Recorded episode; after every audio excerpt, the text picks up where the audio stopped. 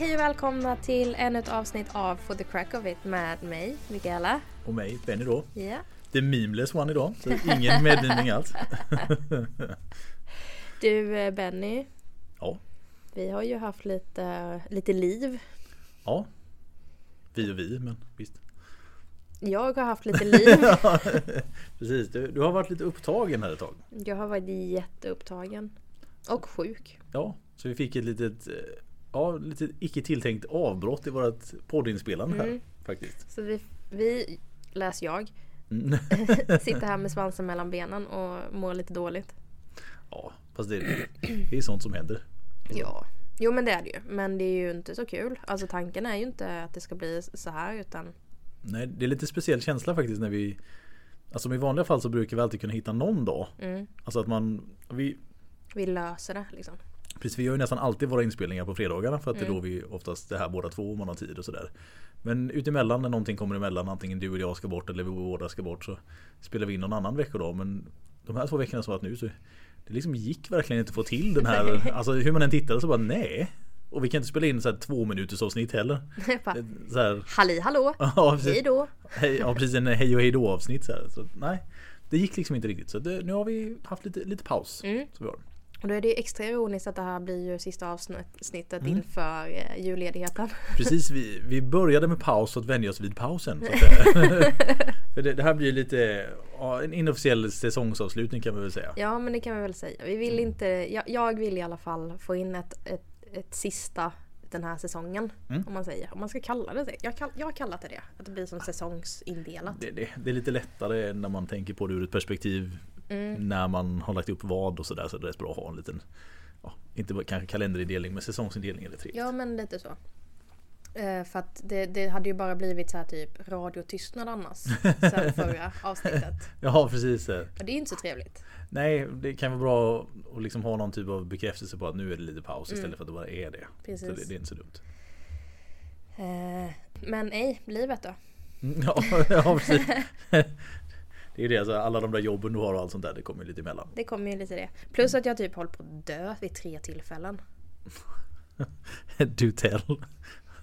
Nej men jag, eller ja, fler egentligen men, men jag bara vi kan, vi kan klumpa ihop alla gånger jag halkat i duschen till en. Ja. Det är inte så kul. Nej precis. Men det är en nära döden upplevelse totalt sett. Så, ja. Vi kan väl kalla det det. ja, precis. Men vi, vi, vi låter det vara där. Jag höll också på att kvävas Mm. på en tampong. Ja.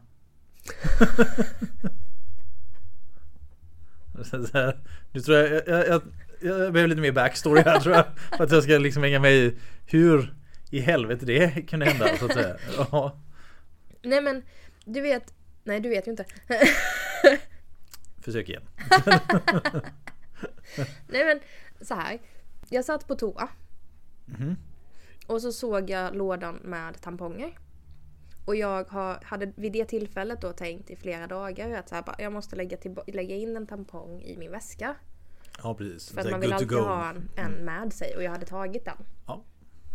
Eh, och det här var inte ens hallonvecka. Utan det här var efter. Ja, men det är bara en lite allmän att du behöver fylla på dina så här, Exakt, jag, behövde, jag ville lägga, till, lä- lägga in den i väskan. Jag hade glömt det i flera dagar. Och sen så satt jag där och bara ah, fasen. Ja, jag, kom, jag kände ju mig själv. Mm. Så att eh, jag plockade nu med en gång. Och så kom jag ihåg det för då har jag den på mig. Den är där liksom. Exakt. Eh, bara det att det är inte så lätt att torka sig och så göra sig ren efter man har gjort sitt business. Med en tampong i handen. Nej. Och gör man det så känner jag kanske inte nödvändigtvis att jag alltid vill trycka ner den i väskan. Nej. Framförallt inte när man eh, liksom så vet om eh, bakteriesituationer och sådana saker. Så kan Mm. vara ja, trevligt så nej. Ja, jag förstår. Jag förstår. Så vad jag gjorde var att jag eh, stoppade in den mellan tänderna. Så att jag liksom, ah, mm, okej nu, nu förstår jag hur, ja precis. Att den var alltså mellan tänderna för safekeeping tills, du hade, Safekeeping. tills du hade tvättat tänderna så Exakt. att säga. Ja, okej. exakt. Så den var, den var fortfarande wrapped in plastic. Ja. Den var ren och fin. Jag bara hade den mellan tänderna tills jag hade, skulle tvätta händerna liksom. Mm, nej men, nej men. Bara det att jag fick en ovanligt snabb salivproduktion. Okej. Bara sådär. Förmodligen för att jag är så här halvöppen mun. Ja, vet så här. ja, jag förstår. Mm. Och vad gör man då när man är upptagen och man börjar dregla? ja, Jo, man gör ju... precis. Och då släppte tampongen mellan mina tänder. Så du höll på att dra ner den där och så bara... Zup. Ja, okej. Och jag blev så, jag, jag blev så rädd. Ja men det, det, det, jag kan nog säga, hade det hänt mig Jag kan inte riktigt se det scenariot men visst hade det hänt Så hade jag nog också blivit lite rädd, det tror jag Mm. Men inte för typ kvävas. Nej, Alltså inte döden i sig. nej precis Utan mer när jag blir hittad. Ja precis alltså, Obducentjournalen är som alltså, så efter. Ja precis. Ja jo, jo precis. Och vad, säger, vad säger de på min begravning? Ja precis. Äh, Det, det, det, är så många, det, är så många frågetecken och jag bara såhär, nej.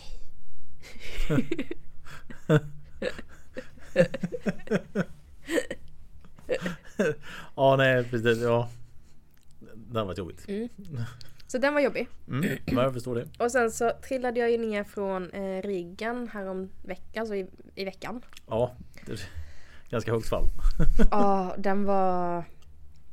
Har du sett de här videosarna? Nu säger jag det till dig, men Ja. jag riktade, för du har ju redan hört det. Men Ja, jag precis. riktade lite till våra lyssnare.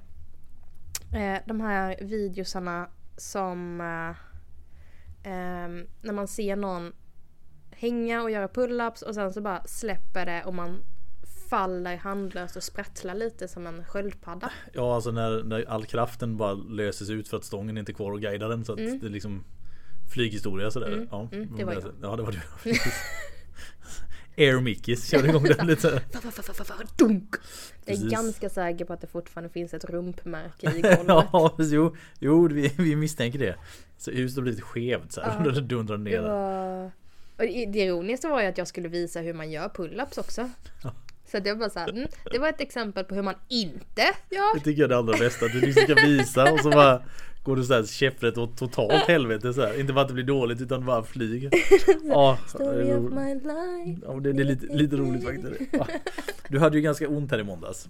Ja, jag var inte jättekaxig då. Nej precis, det var ju lite ryggskottstendenser och lite Extremely upper ass pain och, och så dylikt. Ja, men...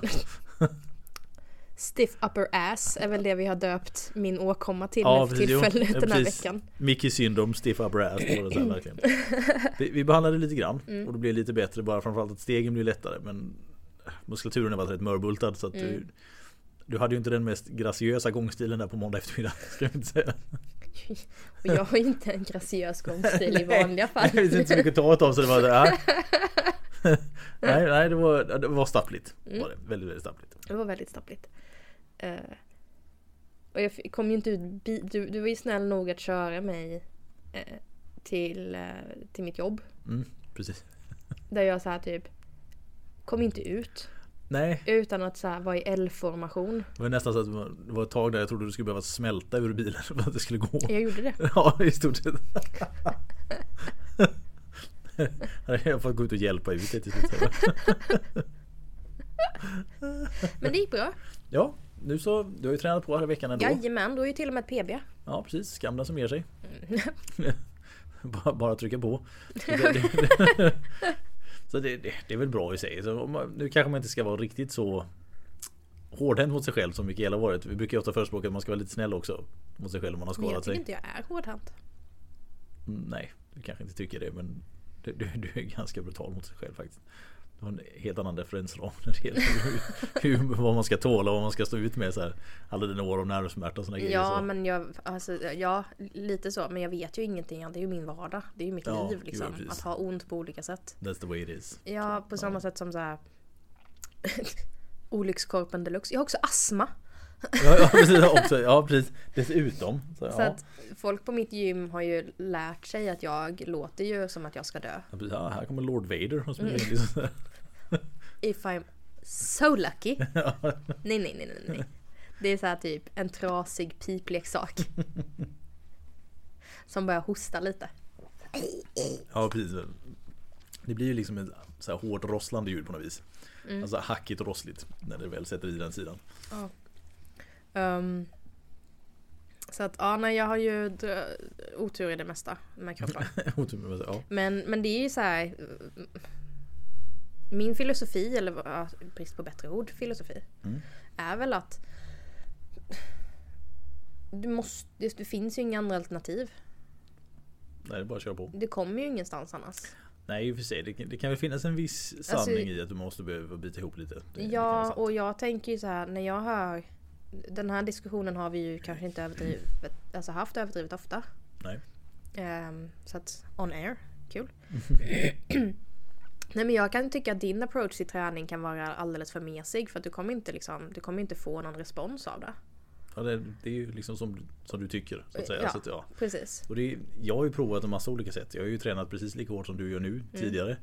Men oftast resulterat i att jag har dragit sönder mig på något vis och Mm. fått alltså, långa avbrott. Mm. Nu kan jag säga att den, den träningsfrekvensen som jag har nu den ger väl kanske inte några gigantiska resultat mer än att jag känner att jag mår ganska bra. Nej men det är den jag menar, den Ja. du har nu. Ja, Ehm, och absolut, du har ju gigantiska resultat på andra ställen. Men det är ju de ställena, alltså typ när du drog igång yogan här i somras. Mm. Att du kan komma ner i en nästan ass to grass nu. Ja Det är ju faktiskt. fenomenalt. Ja. Men det är ju också för att under sommaren så gjorde ju du en helomvändning och eh, applicerade mobilitetsträningen på samma sätt som jag applicerar min vanliga träning. ja, precis. Alltså det, det Och ju så att det är en, där jag landar i att så här, bara, va, Men sen förstår jag ju också att du, du tränar ju inte för mål, alltså på det sättet annat än Nej. välmående. alltså hade I jag, prestation är rätt Ja, ord. alltså hade, mål. hade jag tränat mer efter prestation så hade jag levt upp på ett annat sätt. Ja. Alltså så är det ju. Så det är ju lite Ja, vi, vi ser väl att målet bestämmer träningen lite grann kan Mm. man väl säga. Det, det är så det Precis. blir. Och det är väl där man blir Alltså det är där det skiljer sig. Att din approach till träning just nu är Mm. enbart välmående. Ja, Och min approach till träning är Dels är det välmående för att om jag inte tränar så då kan inte jag röra mig. Så jag måste vara i rörelse för att inte ha ont. Mm. Och jag har ändå ont. för att inte ha mer ont då. Exakt. och det är en väldigt märklig eh, situation att vara i. Mm. Ehm, det är typ som att springa ifrån sin smärta Ja, in i väggen. ja men li- lite så ja. ja. Men det är det enda som funkar. Och jag får vara glad att jag har hittat det. Mm. Men, men sen är jag ju också jäkligt ivrig i att bli bättre. Och att kunna prestera mer. Och, och då behövs det ju liksom... Men det behövs ju mer. Punkt. ja, jo, jo men det, visst är det så. Alltså, har man alltså, siktet inställt på utvecklingsmål sådär som lite du har. Alltså eller om man tar bara PB-resultat eller vad det nu ska vara. Så det är klart att man måste lägga belastningen på en sån nivå så att man är och kittlar lite på gränserna då och då. Ja. Eller kanske hela tiden. För annars så kommer du inte komma över det där. Så Nej men du kommer ju aldrig få någon respons eh, i kroppen eller, eller ökad prestation om du inte är i det obekväma. Nej precis. Alltså, Och det är där som jag tror att många mellanmjölkstränare Mm. Inte vågar lägga sig. nej och sen alltså, Jag tror också bristen på variation många gånger. Alltså det är lätt att man går iväg och så har man sina fem övningar som man har gjort 20 år tillbaka. Så kör man bara det. Mm.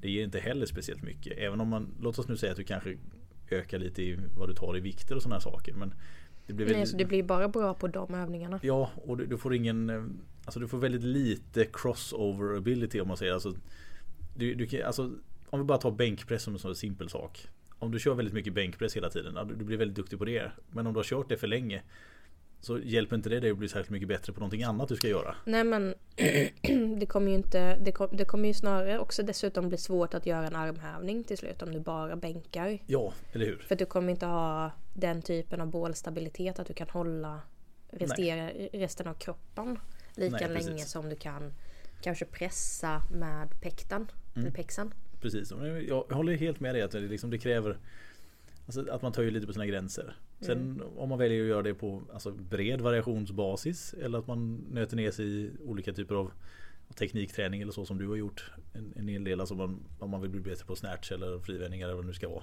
Ja, nu har jag inte gjort det på ett tag. Min, mitt eh, primära fokus i år har ju varit böjen.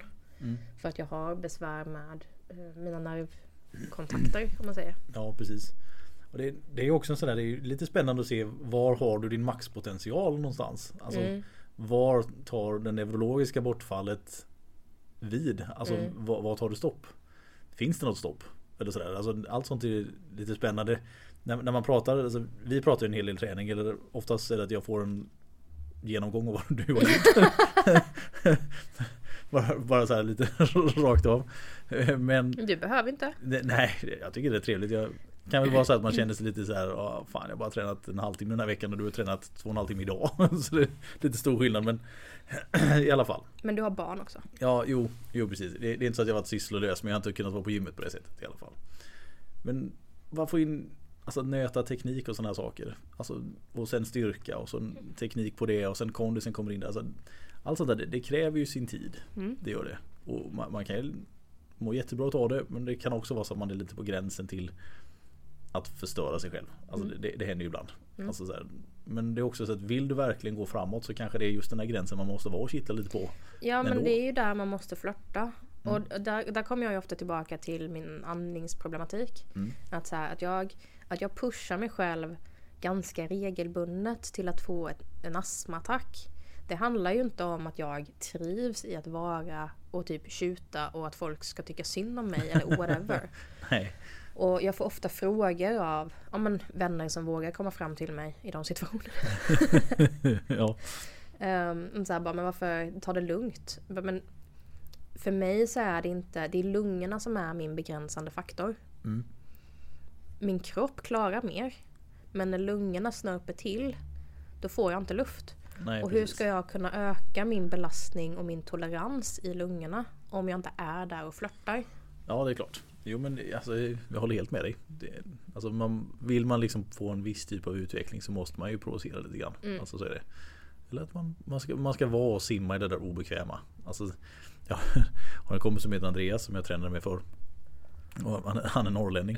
Så han, han sa alltid så att en, en träning ska vara blodsmak i mun. Det var alltid så här, det var så här, så här, det var så här stående sak. Så att om, du, om du går från ett träningspass Antingen att du inte har haft det överhuvudtaget under hela träningspasset eller bara varit Alltså väldigt, väldigt lite Då har det inte varit bra träningspass. utan Det ska vara blodsmak antingen lite konstant hela tiden eller en jävla peak någonstans. Mm. Då, då, då är det riktigt bra.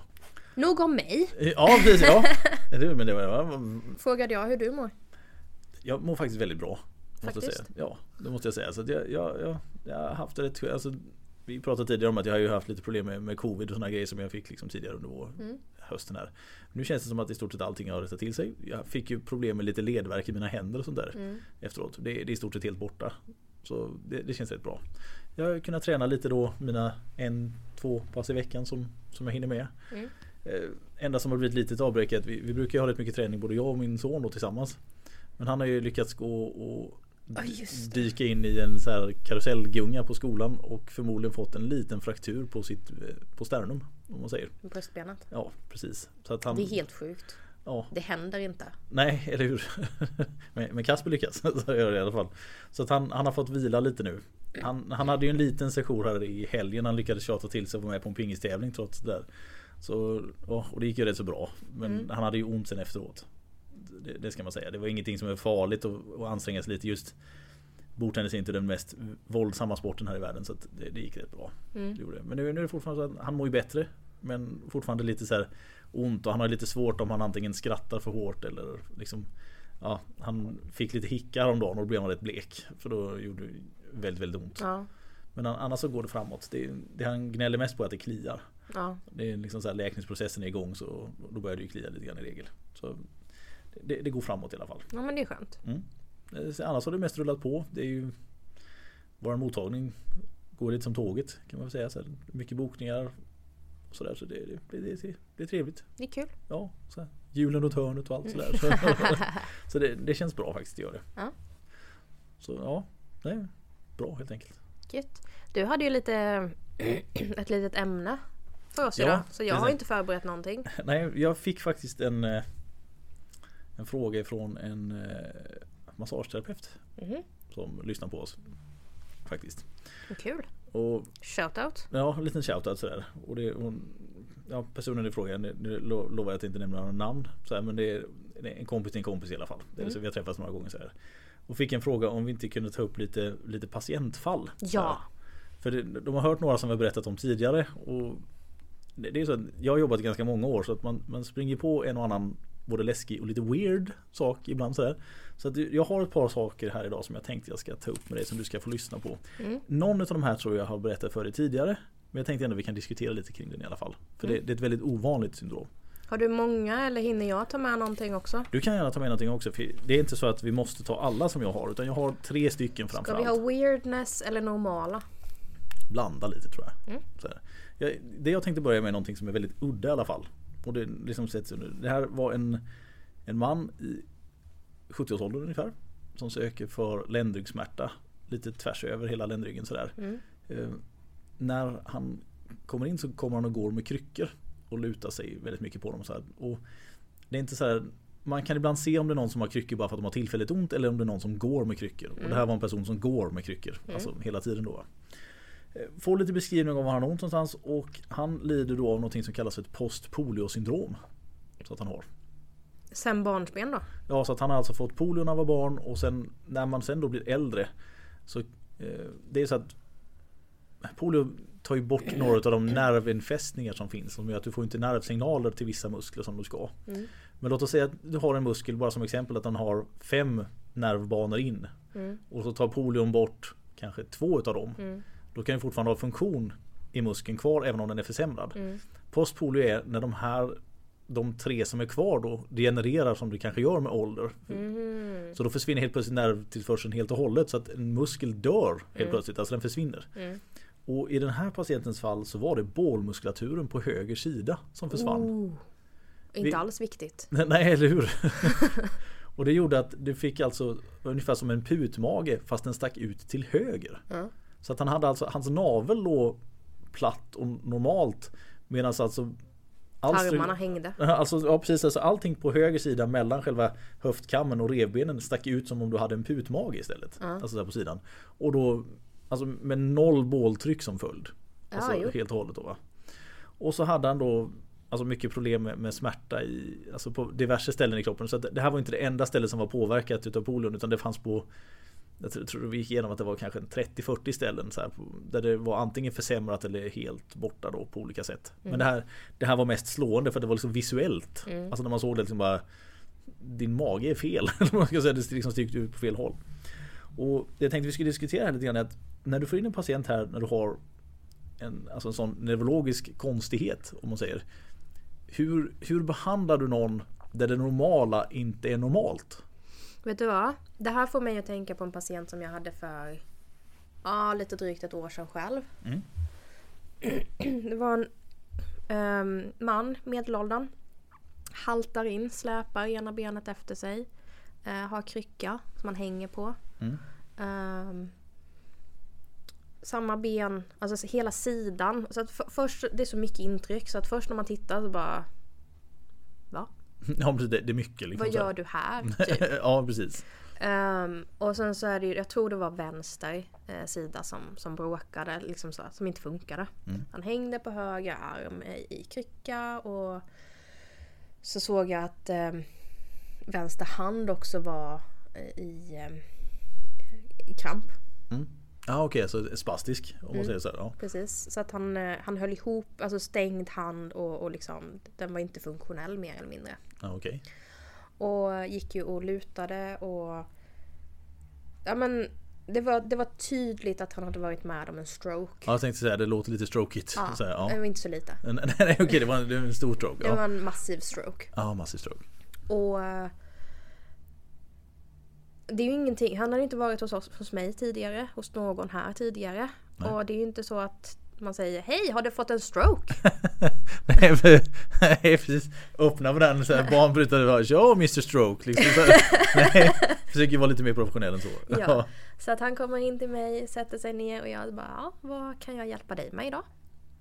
Som jag alltid frågar. Mm. Och han säger jag känner mig lite sned. Ja, ja okej, ja. Det, får man inte skratta åt men ja, ja. Nej, alltså, förstår du hur svårt jag hade att hålla masken? Han, Ja. Den här personen var helt fantastisk. Vi skrattade och skämtade hela eh, behandlingen. Men just de här första sek- sekunderna Så var det- det- väldigt det- jobbiga för mig. Alltså det var en munter patient med mycket Det var smärtproblem. en fantastisk patient. Ja, vad bra. Och han berättade allting och eh, ja, men, hade fått en massiv stroke och hela vänstersidan hade ju Ja, slagits ut. Eh, och eh, hade ju noll funktion i handen längre. Mm. Och Så att av den här anledningen då, eh, patient med massiva neurologiska besvär. Mm. Vad jag gjorde med honom var att dels ehm, var väldigt öppen. Alltså det är klart att man alltid är öppen och, och förklarar Ja, och diskuterar med sina patienter. Givetvis. Men att man är väldigt öppen med vad jag kan och vad jag inte kan påverka. Ja precis, miracle worker downplay eller vad man ska säga. Exakt, så jag kan säga att jag försöker trolla med knäna men Ja. även jag har mina begränsningar. Hur små de än må vara. Ehm, och att man är tydlig då att så här bara, det visade sig att han ville ju inte ha hjälp med stroken. nej. Vilken jävla tur. det kunde varit bökigt. Ja, nej. Eh, och, och att jag sa att alla de här neurologiska de, de effekterna av stroken, de är ju tyvärr mer eller mindre ehm, Vad de är. Vad de är. Ja. Och man kan ju jobba med det med fysioterapi och man Mm. kan jobba upp muskel, alltså kontrollen och styrkan i muskulaturen som fortfarande lever. Mm. Eh, men jag kommer inte kunna knaka tillbaka funktion. Nej precis. Och han var ju helt på det klara med det. Utan vad han kände var att han på sista tiden hade varit, fått en snedhet och en belastning i bröstryggen som han ville ha hjälp med. Mm. Så att det var ju bara att på det sättet så var ju han fruktansvärt tacksam som patient. För att han visste ju och han var medveten om allt det här. Men det är ju att vara tydlig med att så här, absolut, jag kan göra mitt bästa för att underlätta det här ehm, besväret som är nytillkommet. Mm. Ehm, men jag kommer inte kunna få funktion i din hand. Nej precis. Och det är också lite ovisst hur snabbt eventuellt Exakt. funktionen kommer tillbaka på det som man försöker göra också. Exakt. Och också att vara tydlig med att ehm, muskler efter stroke eller neurologisk skada eller åkomma beter sig inte normalt. Nej, de gör inte det. Så att det är svårt att säga hur kroppen kommer reagera. Hur och om egentligen. Exakt.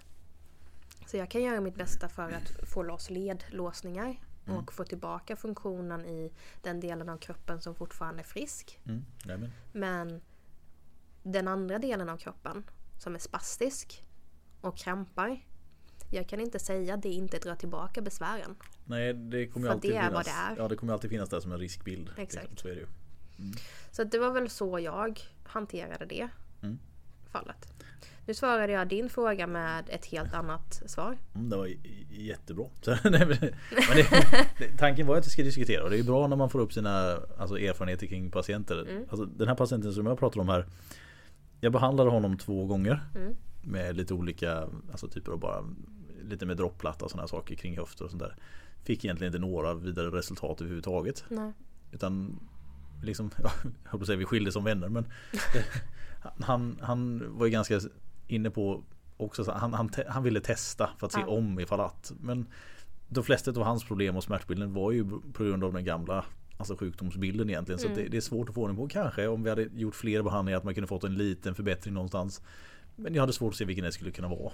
Alltså sådär, Nej. tyvärr. Där känns det väl mer som att egentligen fysioterapi på sikt kan Ja. göra mer än kiropraktisk behandling. Precis, och det var det vi pratade om också att det kanske inte är fel. Han hade någon, någon sån träningsgrupp han var med som var någon sån här neurorehabgrupp. Ja. Att kanske försöka öka på det med mer eller gå och köra lite alltså bassängträning eller något sånt där. Alltså, bara få, få röra på sig och vi pratade en del om att försöka aktivera saker som kanske glöms bort lite grann.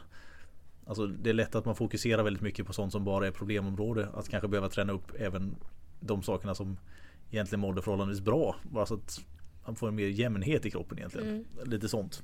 Så diskutera. Men det var det är sån där Det är ett speciellt fall när någon kommer in någonting med som, som är så ovanligt. För man, man, blir väl, man blir väldigt så att man ställs på tårna lite grann. Oj oj oj. Liksom så här, vad är, först och stav, vad är det här? Nu, nu Alltså det är inte så ofta att vi har pratat om postpoliosyndrom. Otroligt sällan. Nej, och det, enda anledningen till att jag hade lite bättre koll på den kanske vad man brukar var att jag hade varit hos tandläkaren veckan innan Mhm. och fått sitta där och vänta en extra 45 minuter för någon före mig hade sån panik med tänderna. Och då hade de en så här typ vad är den heter? En tidning så här. Vi hade den här ett tag. Så medicinskt. Illustrerad vetenskap. Ja, Inte illustrerad. Dagens medicin. Dagens medicin var det. Och då hade de en, en artikel, en artikelserie om just postpoliosyndrom i, i den. Så att jag var ju så superpåläst eller vad man ska säga just då. Så att eh, den här patienten var så imponerad när jag liksom, han bara, "Ja, vet du det här? Så här, ja. Jag, jag sa ju inte att jag visste det utan det, det vet jag alltid. Så, så. så man hade, jag hade hört talas om det någon gång tidigare. Men att jag var påläst om det var ju bara just lite så här flax. Alltså tiden var, Men var man rätt. ska ha det också. Ja, ibland säger det så. Tiden var rätt. Va? Så, då ska vi gå vidare. Då har vi två patientfall kvar här. Har du två patienter? Ja, jag har två. Eh, Vill, du- vill, du börja? Jag vet inte. Vi har ju, ja den här är ju ganska kul. Mm. Vi har ju en gemensam patient. Jaha. Mm. Eller ja, det är egentligen min, men han gick till dig också. Eh, med dubbel ah, höftledsprotes. ja, jajamän, jajamän.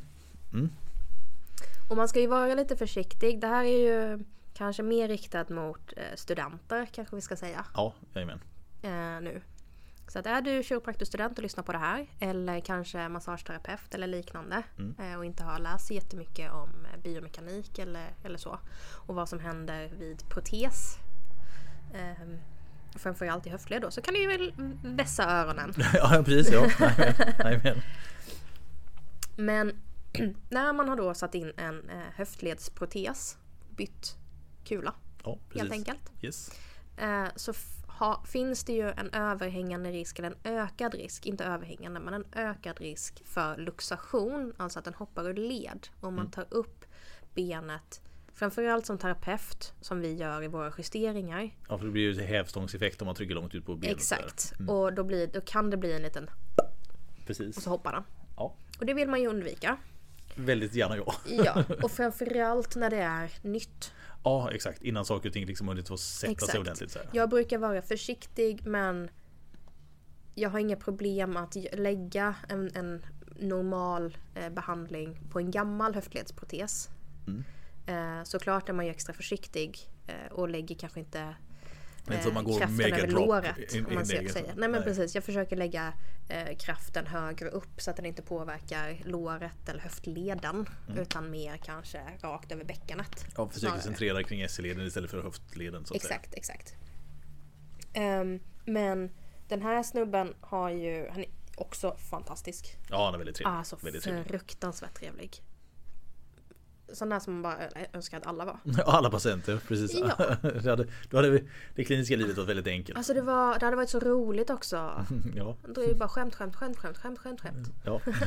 Både med sig själv och saker omkring. Ja, så ja, precis. Men eh, han har ju då sedan några år tillbaka eh, höftledsprotes i eh, ena, jag tror det är Vänster. vänster som var först. Mm. Och nu för några månader sedan, kanske två, När han var, alltså nu idag, men när han var hos dig här så var det fyra då veckor. var det fyra veckor gammalt Ja, i höger. ja, precis. Och smärta höger SI-led. Mm. Alltså i bäckenet. Så det är ganska tätt och nära inpå den Ja. här fyra veckor Precis. gamla höftledsprotesen. Alltså såret var inte läkt. Nej precis, man brukar väl säga brukar, Jag tror det är sex veckor man brukar sätta som en sån här sårläkningsprocess Mm. eller sådär. Så att det var till och med inom det. Och hans eh, första kommentar är nu har du att göra. Ja, precis, ja. ja jag vet. Ja det är roligt. Det är jävligt roligt. Eh, och jag sa mm, nej. nej, nej precis. Back off, alltså inte röra. Lite så. Ehm, du hade ju behandlat honom strax innan. Mm. Det var, jag tror det var ett par dagar innan bara. Eller, Ja. Det kan nog vara så att han, han var hos mig på måndagen och så dig på fredagen. Eller Ja. tror jag, samma vecka. Precis. Och vi behandlade ju ganska likt. Mm. Ehm, vill du gå igenom? Ja, det, alltså, det var ju ganska likartat. Vi, vi hade ju en lite begränsad möjlighet med hur mycket man ville påverka där. Vilket gör att han, han var väl medveten om när han var hos mig att det förmodligen behövde kommas någon mer gång. Mm. Alltså, så här, för, det, det är så färskt. Så att man, man vill ju inte som du säger lägga upp i någonting. Du, du kan ju liksom inte lägga upp i affekterad sida uppåt för att ja, men då, då är du mitt på sårbilden. Och lägger du neråt, ja då ligger du och gnor såret i bänken. Så Mm. det går inte riktigt det heller. Varpå även den andra höftleden som man har bytt sen tidigare inte är jättesmidig att använda i ett kickläge heller. Nej. Så att, ja, nej. Det blir lite bökigt. Mm. Det blir det. Så jag använde mycket aktivator och sånt när jag behandlade. Jag tror att du använde kanske droppplatta istället. Jag använde en droppplatta precis. Mm. Och det var inte det skönaste för honom. Men jag har ju ingen aktivator för att min chef har inte köpt den till mig. Radiotystnad där. ja.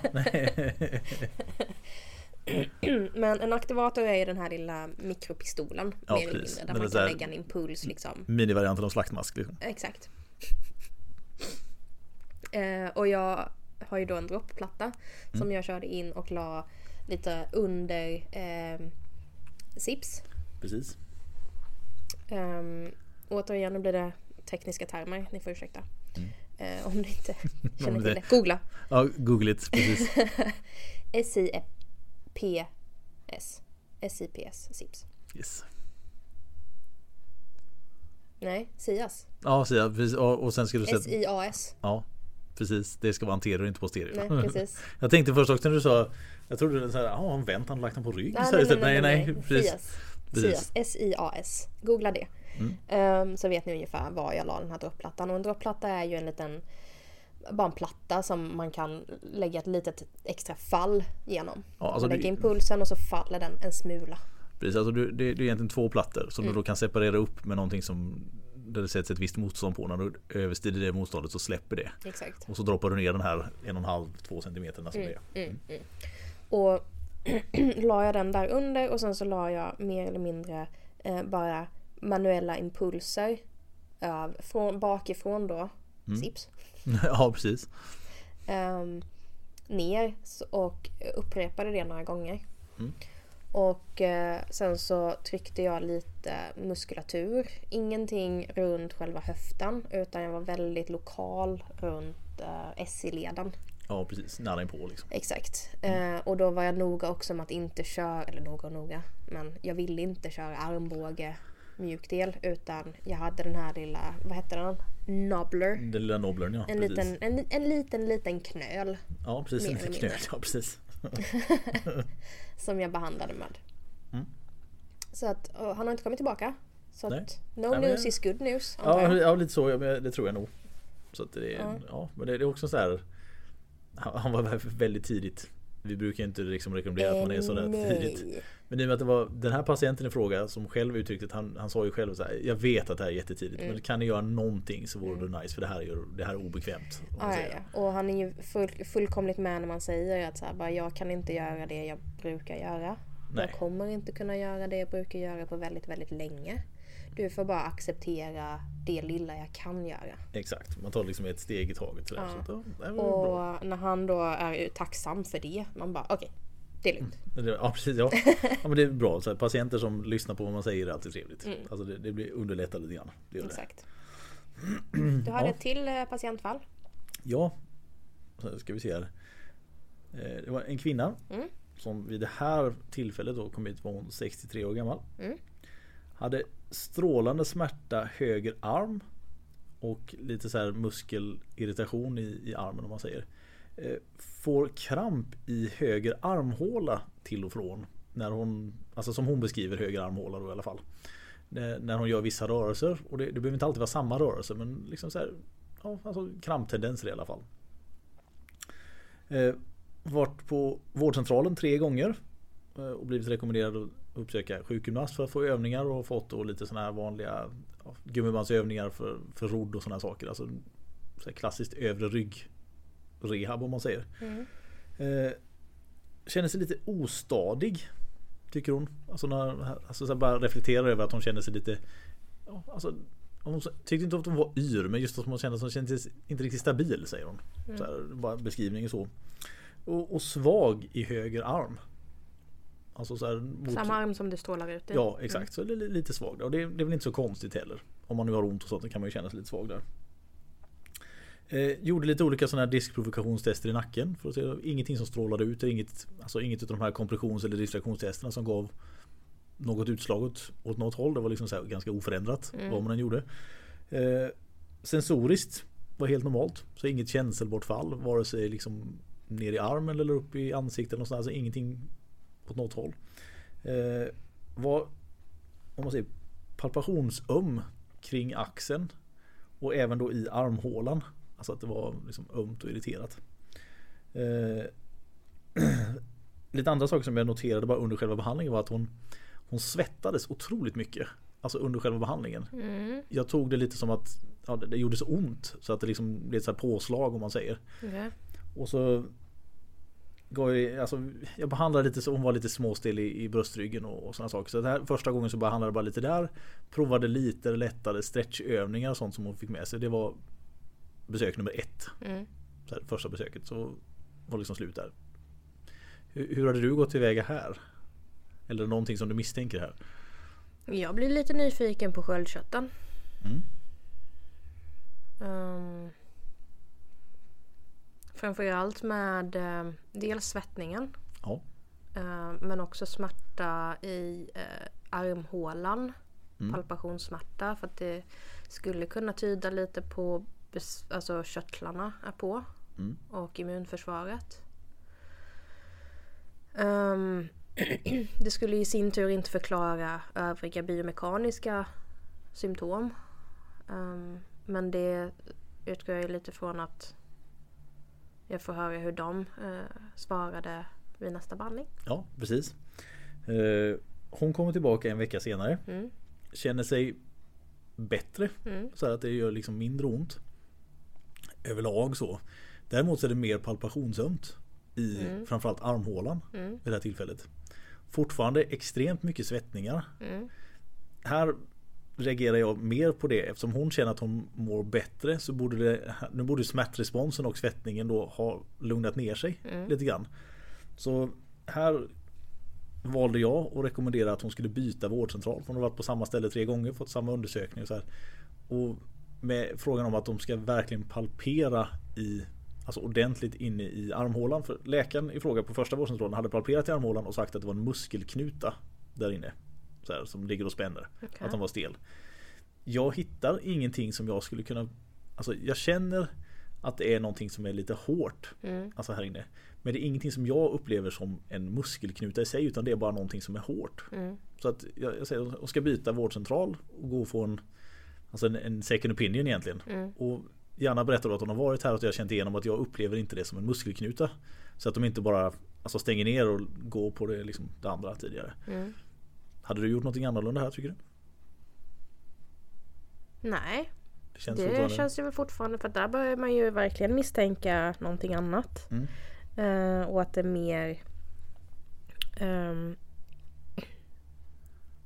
Alltså ett sjukdomstillstånd snarare än biomekaniskt. Precis. För att absolut att eh, obehagskänslan och stelhet och det biomekaniska har blivit bättre. Men om det fortfarande är ont och palpationsömt och, och de här konstiga svettningarna. Jag hakar upp mig lite på dem. Eh, vi bestämmer här att hon ska liksom söka vård på vårdcentralen och så sagt att vi bokar inte upp något nytt besök. Mm. Utan liksom ska gå den vägen vidare då. Va? Men just att jag, jag trycker väldigt mycket på det här att Ge det inte utan se till så att de undersöker ordentligt här. Inte bara gå på vad det står i dina gamla journaler utan de, de måste känna igenom. Mm. Och så rekommenderar en annan vårdcentral här i stan. Mm. Där, där jag råkar veta att en av läkarna är väldigt duktig. I alla fall eller noggrann. Så att jag liksom ber henne ta, ta kontakt där och se om du kan få en tid. Och, så, så, sen så går det. Jag tror att det är nästan tre månader. Mm. Utan att jag har någonting ifrån henne överhuvudtaget. Sen, Säg inte att det är cancer. Det är precis det vad det var. Det är det. Ringde tillbaka, eller hon ringer upp mig då. Så här, och liksom jag, liksom, direkt när man hör det, så bara, "Ja, så här, hur är det med dig? Så här, ja. Då säger jag att ja, det är inte så bra. Utan det, det, det, alltså det det handlar om var att det var bröstcancer då. Mm. I, I grund och botten som hade spritt Så sig. jag tänkte säga det redan vid första men man vill inte kasta ur Nej. sig det hur som helst. Exakt.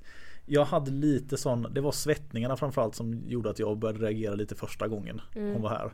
Och sen just det där att de Alltså att läkarna sagt en muskelknuta i Mm. armhålan. Så bara, jag tyckte det kändes konstigt. Dels kvinna i den åldern som hon befinner sig i. Svettningar som jättehårt och sen just att i armhålan. Mm. Alltså så. så jag började misstänka lite där och sen då vid andra besöket, ja då var man ganska Jag, jag var ganska säker Men jag har inte rätt att ställa den diagnosen. Jag vill inte skrämmas i onödan. Så det, gud det är därför man liksom trycker på att ja, men du måste gå och söka Mm. vidare här så att du får en, en ny second opinion. Säger de samma sak, ja då har jag väl fel. Mm. Men bättre att kolla upp det. Eh, Hon har klarat sig i alla fall. Så att hon kommer det här var Nu är hon ju, jag tror hon fyller 75 eller något snart. För Mm. det här var Det här är Jag hade bara varit kiropraktor ett halvår när jag träffade henne första gången. Oj. Så det, var- det var very very early kan jag Mm. säga. Så det, det, det är en sån här Den sitter med mig fortfarande för att man, man Alltså jag misstänkte ju en sak men när man får det så bara ja men det var cancer. Alltså när den kommer fram sen. Mm. Det, det, det är lite scary faktiskt. Är det. ja. Så här, alltså läskigt så vi säger. Och anledningen till att jag tar upp det här är väl lite dels att man hoppas kanske att några av de här nya kiropraktorerna och sånt lyssnar att det är lätt när vi jobbar att vi bara tänker biomekaniskt för att det är Mm. så mycket det vi, vi jobbar på. Och bara för att nu har ni ju varit hos vårdcentralen och de hittade ingenting. Men ingen är ofelbar. Du ska alltid dra öronen till det när några symptom inte stämmer.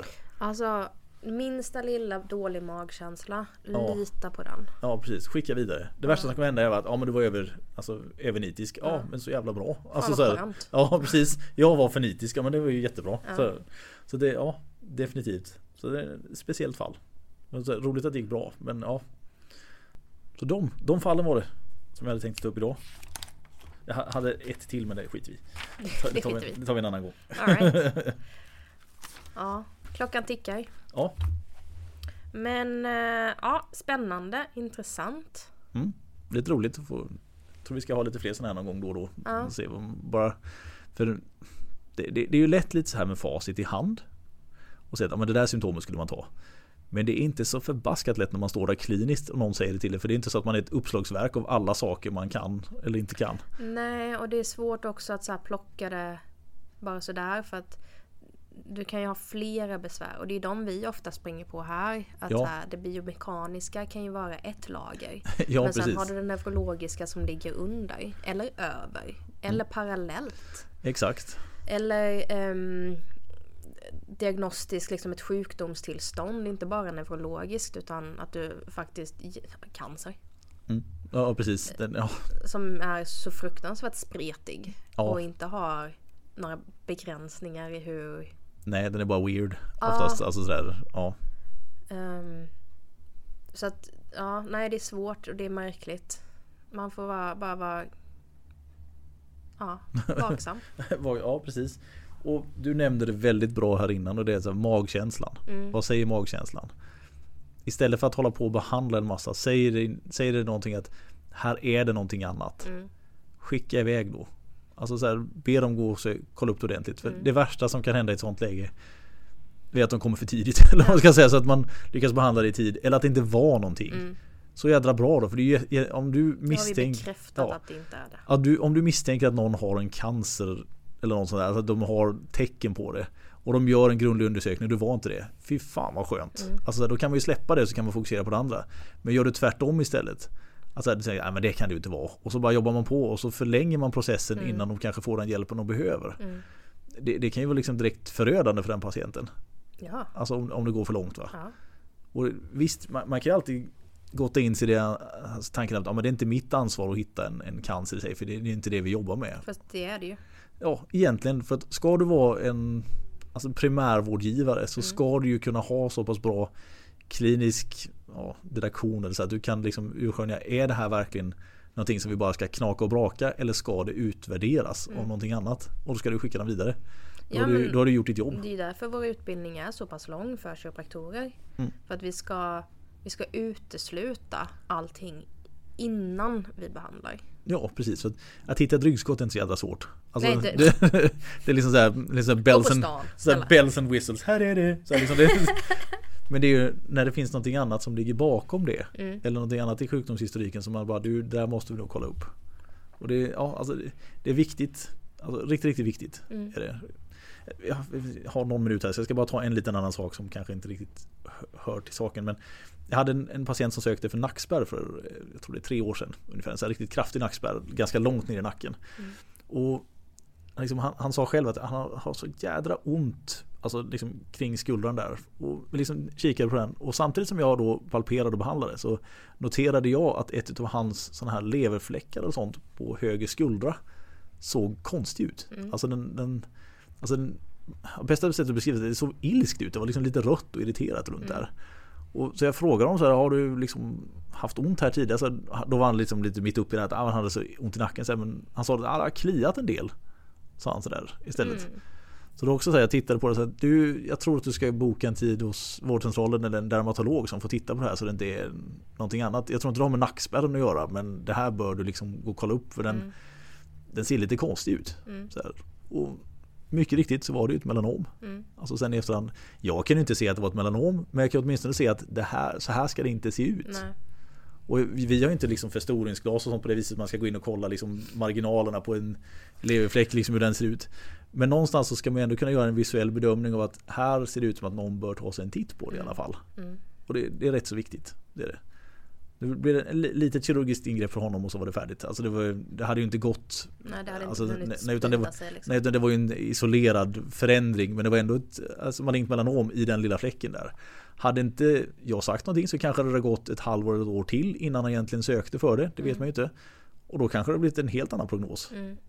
Så istället va. Så att Trust your gut som man säger, det, det är viktigt. Summan av kardemumman. Ja, precis. Benny är en hjälte. Here come to CBD.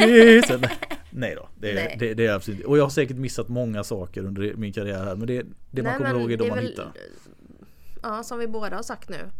Trust your gut.